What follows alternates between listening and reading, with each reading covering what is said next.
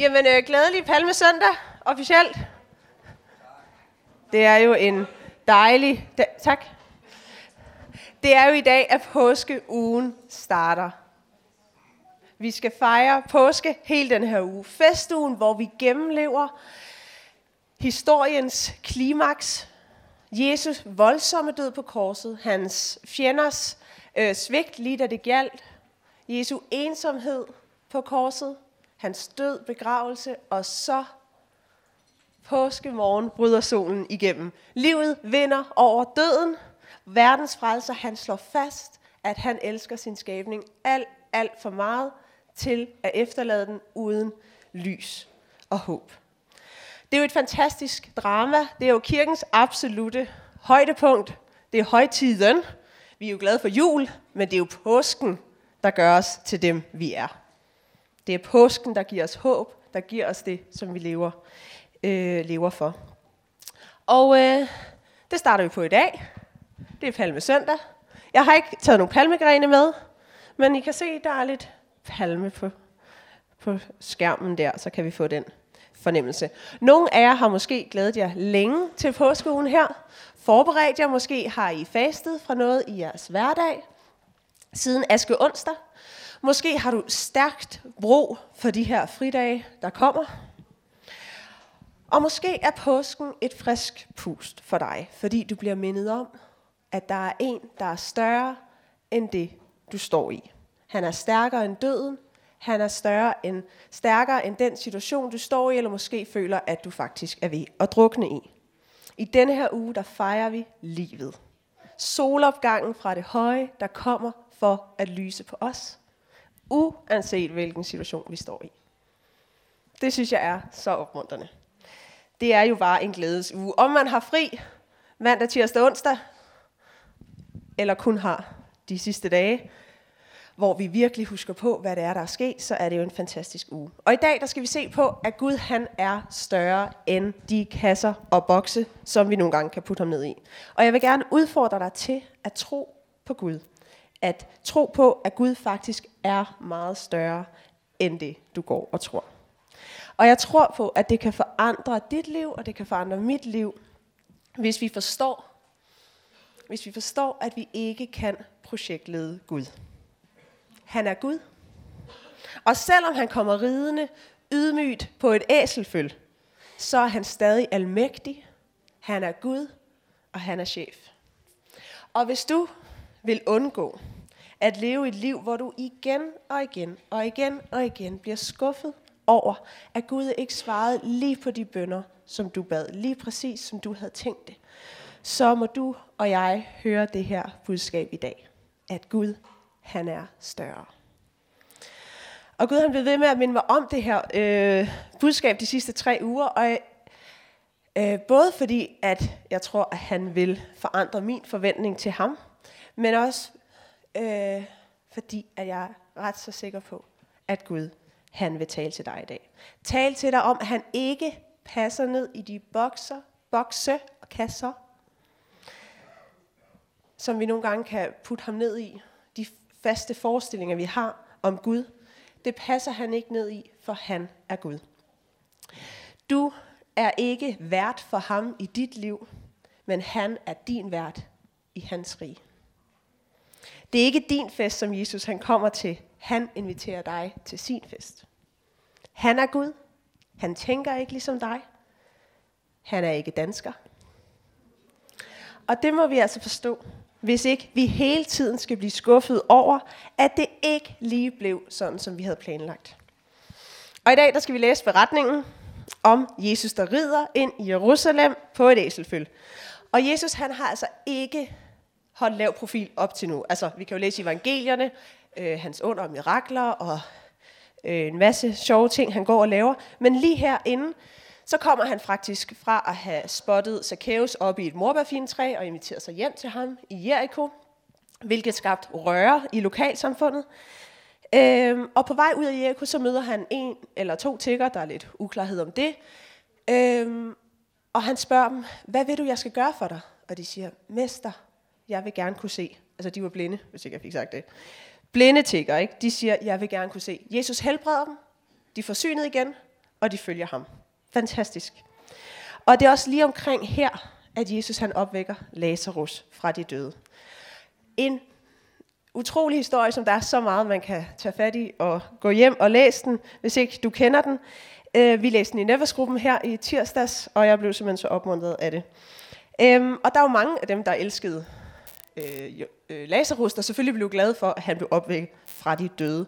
Men der var også nogen omkring, der blev forfærdet og blev sådan fornærmet over, at Jesus gik rundt og gjorde sådan noget, så de sladrede til øh, de jødiske skriftkloge, farisæerne. Og øh, farisæerne, de blev også sure, så de besluttede, nu skal Jesus. Hmm. Nu skal Jesus slås ihjel. Og nu de var i gang, så ville de også slå Lazarus ihjel igen. Eller han skulle i hvert fald dø igen, så det ikke blev en alt for populær historie. Øhm, og vi læser, det her det er op til, det er det, der sker, inden vi skal til at læse den her tekst.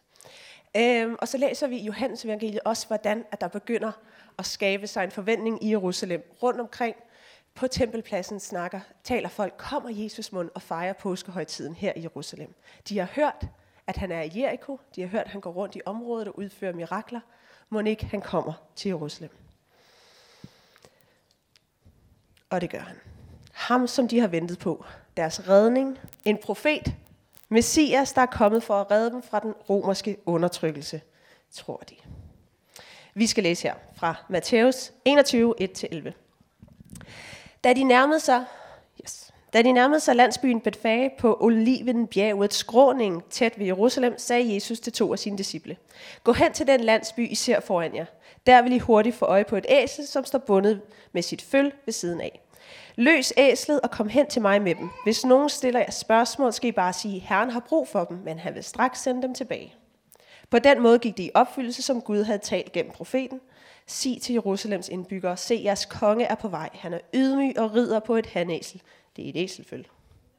De to disciple gjorde, som Jesus havde sagt. De hentede hundæslet og det unge hanæsel og lagde deres kapper på dem, efter Jesus satte sig op på æselfølget. Mange mennesker i mængden bredte deres kapper ud på vejen foran ham, mens andre lagde palmegrene ud, alt sammen for at hylde ham. Og både de, der gik foran og de, der gik bagved, råbte, Hosanna, Davids søn, velsignet er den, som kommer i Herrens navn. Hosanna til Gud i det højeste. Der blev røre i hele Jerusalem, da Jesus kom ind i byen. Hvem er han, spurgte folk. Det er Jesus, lød det for dem i optoget. Profeten fra Nazareth i, Nazareth i Galilea. Der er altså ikke mange, der fik sådan en her entré. Det er jo lidt for meget, hvis de fleste skulle få sådan en entré. De råber Hosanna, hvilket er et armensk ord, som betyder redningen er kommet. Og vi bruger den til, for eksempel sang vi her i dag, vi bruger den til at udtrykke glæde og tillid til Gud. Og den her fejring det er Jesus, da han kommer ind i Jerusalem, altså ikke bare fordi de synes, han er sej, god underviser, eller som Christoffer siger, fed energi. Det var ikke bare derfor, at de lige synes, han skulle have sådan en ordentlig omgang. Men det er fordi, at de tror, han er deres redning fra romerne, fra den romerske undertrykkelse. De håbede og troede på, at han var den, de havde ventet på. Ham, der skulle befri dem. Og der er forskellige historier og symboler, øhm, som de her fejrende folk, de havde ligesom i baghovedet, da de er i gang med at fejre Jesus. Beretninger om store konger og store velkomster. Og øh, for at du og jeg forstår, hvad den her fejring egentlig betyder i samtiden, så må vi kende nogle af de her symboler og nogle af de her referencerammer, der var på den tid. Så jeg vil bare lige nævne øh, tre ting, som øh, de her palmeviftende folk og kappenedlæggende mennesker havde i baghovedet. Det ene er i anden kongebog, der læser vi, hvordan Jehu blev kronet konge, selvom der allerede var en anden konge, kong Ahab, der ikke var så god. Med det samme, da folket hører, at Jehu er blevet kronet konge, så lægger, øh, kaster de deres kapper ned, og det gør officererne også, deres kapper ned på jorden under Jehu, øh, for at vise deres loyalitet til ham. Og de råber, længe leve kong Jehu. Og det er det samme, som de gør her i Jerusalem. Et tegn på loyalitet til Jesus. Og de her kapper, der blev spredt under Jesus, det er ret sandsynligt, at det var folks eneste kappe. Det var deres eneste kappe, de lagde under på den støvede, på den støvede vej under et æsel. De viser deres loyalitet til Jesus. Deres nye konge, de lægger så at sige alle æg i en kurv, eller deres kappe under en person. Det kan være, det bliver et udtryk. Nok ikke. Men de satser på ham her. Det er ham, de satser på. Og på den her tid, så har folk også hørt om Judas Maccabæeren, som for 200 år øh, tidligere end øh, indtoget i Jerusalem, øh, også kom fejrende ind i Jerusalem, efter han havde nedlagt herrer, der havde undertrykt øh, Israel. Og jøderne fejrer Hanukkah for at huske Judas Maccabæren. Han er en big deal. De fejrer Hanukkah for at huske, hvordan han ryddede tempelpladsen fra græske guder og gudinder. Og han dedikerede det igen til et sted, hvor man kunne tilbede Gud. Og det er altså, øh, og han starter så også et øh, kongeligt dynasti, og Herodes, der dømmer Jesus til døden lige om lidt, har giftet sig ind i den fine familie. Godt klaret. Men øh, det er altså den samme velkomst, som Jesus han får som Judas Maccabæren her med palmegrene, øh, der bliver viftet foran ham. Og folkemængden, de synger også en kongelig sang. De synger og sammenligner Jesus med kong David. Og det kan næsten ikke blive tydeligere. Fordi Jerusalem var den by, som kong David valgte til sin hovedstad tusind år før. Og i de sidste 500 år, der har jøderne ventet og håbet og bedt på en konge som David, der kunne komme og redde dem fra undertrykkelse af romerne. Tydeligvis, tydeligvis tænkte indbyggerne i Jerusalem, dem der står i optoget, tænkte, det her, nu er det nu, det er øjeblikket. Det er nu, jeg skal grenene af min palme. Det er nu, jeg lægger min kappe ned. Og du og jeg ved jo godt, at Jesus ikke kom til, eller at Jesus kom til Jerusalem for at dø. Han kom ikke for at blive kronet som konge, ligesom kong David, Judas Maccabæeren eller Herodes. Og Jesus han tillægger denne her triumferende ankomst en helt anden betydning. Og det er måske noget af det, som du og jeg kan lære allermest af, af den her historie i dag. Fordi det er godt at have forventninger til Gud om, hvad han vil gøre af store ting omkring dig og i dig. Det er godt, og det er sundt at have forventninger. Og hvis du har hørt Flemmings tale på Summit, en konference vi havde øh, her i kirken, i vores nordiske kirkefamilie sidste weekend. Hvis du ikke har hørt Flemmings tale på Summit, så prøv at finde den. Jeg ved, den er på YouTube i hvert fald. Her taler han om, hvor vigtigt det er, at vi lever i forventninger til Gud.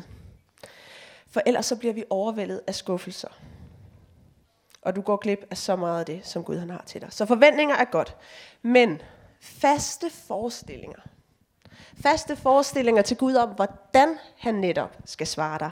Præcis hvad det er, han vil gøre. Det kan faktisk blive problematisk.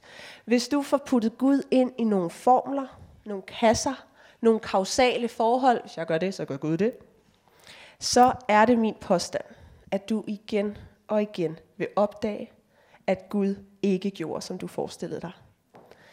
Folkene i Jerusalem, de kaster deres kapper ned foran Jesus. Og de havde en forestilling om, at han skulle blive deres nye konge. Og det vil Jesus også, men ikke på den måde, som de havde tænkt. Og når jeg tænker efter, så kan jeg så ofte komme til at proppe Gud ned i en boks. En boks, hvor han selvfølgelig, altså helt selvfølgelig er enig med mig i, hvad den her situation og den her situation har brug for. Det er som om, at, øh, at jeg hurtigt kan komme ind, i, lulle mig ind i sådan en øh, forestilling om, at når jeg virkelig, hvis jeg virkelig tænker mig om, og virkelig tager en, øh, en velovervejet beslutning, så er det helt sikkert også det, Gud er enig med mig i. Hvordan det lige løses hurtigt og smart. Og jeg kan da høre det nogle gange i mine bønder, når jeg bliver meget specifik om, hvad det er, jeg beder Gud om. Og lige fikse det, fikse det og det. Og jeg øver mig i stedet. Jeg øver mig i at bede Gud, giv mig visdom og ydmyghed. Og led mig. For det er jo fuldst, altså det er jo helt håbløst, hvis jeg tror, at jeg kan projektlede Gud. Altså det, det, det går jo ikke. Man kan godt selv høre det. Man kan høre, at det lyder dumt, men det er som om, det er stadig noget, der sker. Øhm, og jeg bliver nødt til at overgive mig til Guds urensagelige veje. Og jeg bliver også nødt til at være villig til at gå de veje, hvis jeg virkelig ønsker at følge ham og lade mig lede af ham. Og det er mega frustrerende, især for en planlægger som mig. Jeg elsker at lægge planer. Og her i, øh, her i december måned 2018, der lagde jeg planer, øh, der lagde jeg en, et program, eller hvad skal man sige, en kalender for gudstjenesterne i 2020. Det var jo ikke en julegave, men det var måske en lille adventsgave til mig selv. Og Christoffer synes, det var alt for meget. Men jeg, yes, jeg elsker bare, at der er styr på det, og vi har planer og skemaer. Øhm, jeg elsker det. Og samtidig så er jeg også sindssygt utålmodig. Ting skal ske nu. Hvis jeg har fået en idé, så er det nu, vi gør det. Og så lægger vi alt andet til side, så det er det her, vi kører med. Tjek, tjek, tjek, videre. Der, jeg har ikke så meget tid til så meget, hvis jeg har fået en god idé. Så derfor kræver det daglig overgivelse fra min side. Overgivelse til Gud om, at også i dag følger vi hans plan. Ikke min plan, men vi følger Guds plan. Også i dag, og det gør vi også i morgen, og i overmorgen. Og en gang, jeg håber og beder for, at jeg engang lærer at overgive mig permanent til Gud, så vi kan komme videre, og ikke skal bruge så meget tid på hele tiden og fat, at det ikke var min plan, vi i dag kørte efter. Og vi skal bede øh, for dig i dag, senere i dag her, der ønsker igen at overgive dig til Guds plan. Ikke din egen, men Guds plan. Det er hans rige, det er ikke dit rige. Det er hans fest, det er ikke din fest. Og vi skal bede for, at vi må stole på, at han faktisk har styr på det.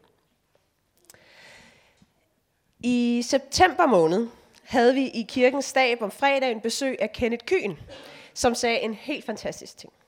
Men først så vil jeg lige forklare, hvad er staben? Staben er, øh, kirkens stab er en gruppe på cirka 25 mennesker, der har valgt at gå ned i tid på deres arbejde eller deres studie, øh, så det er muligt for dem at give en dag om ugen i kirken. Og jeg har taget et billede om her. Er de ikke søde? Øh, det var lige fra fredags morgen. De har altså fået deres morgenkaffe, kan I se, så de er glade og vinker. Det er et virkelig dejligt fællesskab. Øh, vi er både et arbejdsfællesskab, hvor vi arbejder hårdt og ambitiøst for at tjene kirken, vores kirkefamilie her, og samtidig så er vi også et vandringsfællesskab, hvor vi sammen udforsker og lærer mere om, hvad vil det sige øh, at følge Jesus i vores liv og i vores tjeneste. Og jeg har så meget lyst til at se endnu flere folk, der har lyst og mulighed for at give en dag om ugen. Det er virkelig noget, jeg beder for. Det er noget, jeg brænder for.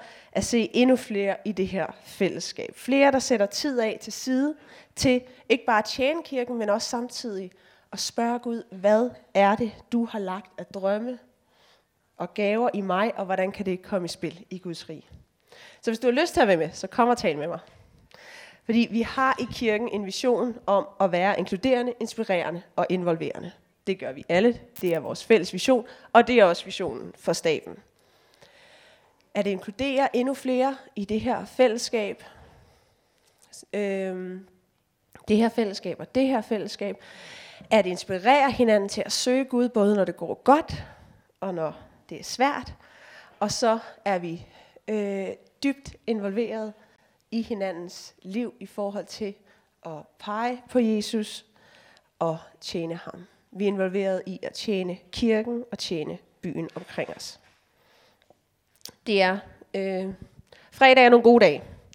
Nå, men på en af de her stabsmøder øh, i september, der fik vi besøg af Kenneth Kyn fra Elam Ministries.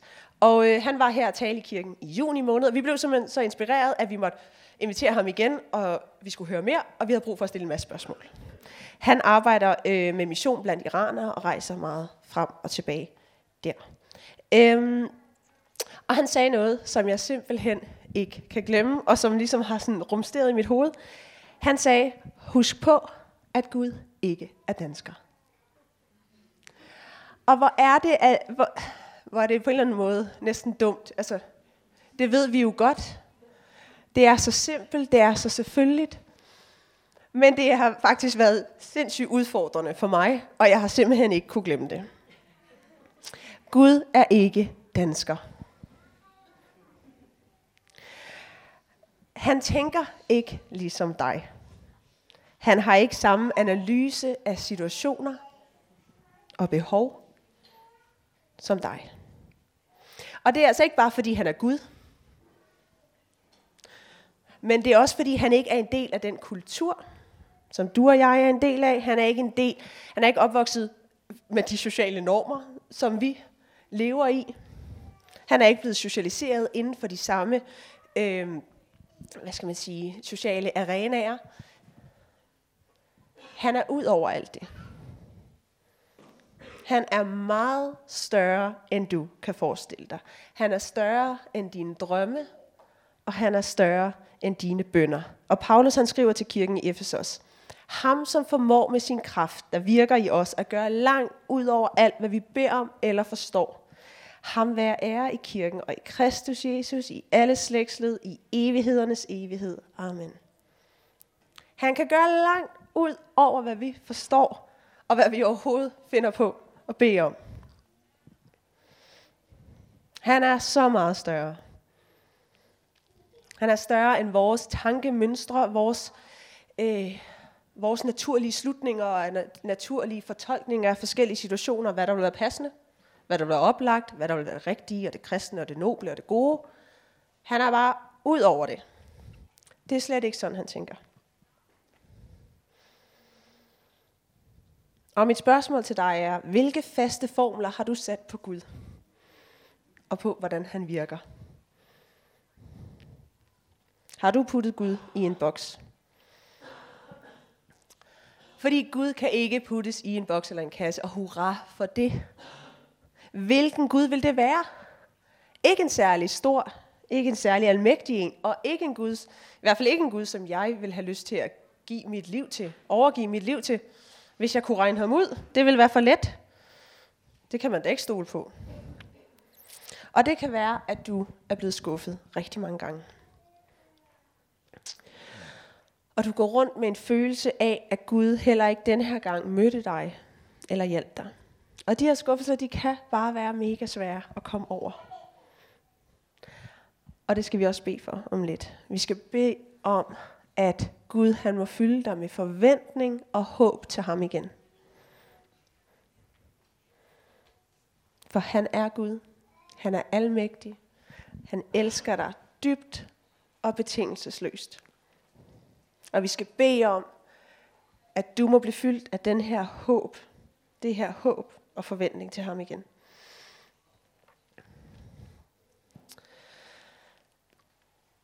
Vi kan ikke gennemskue Jesus. Vi kan læse i Bibelen og læse om, hvad Jesus gjorde, prøve at forstå, hvad det var, han sagde.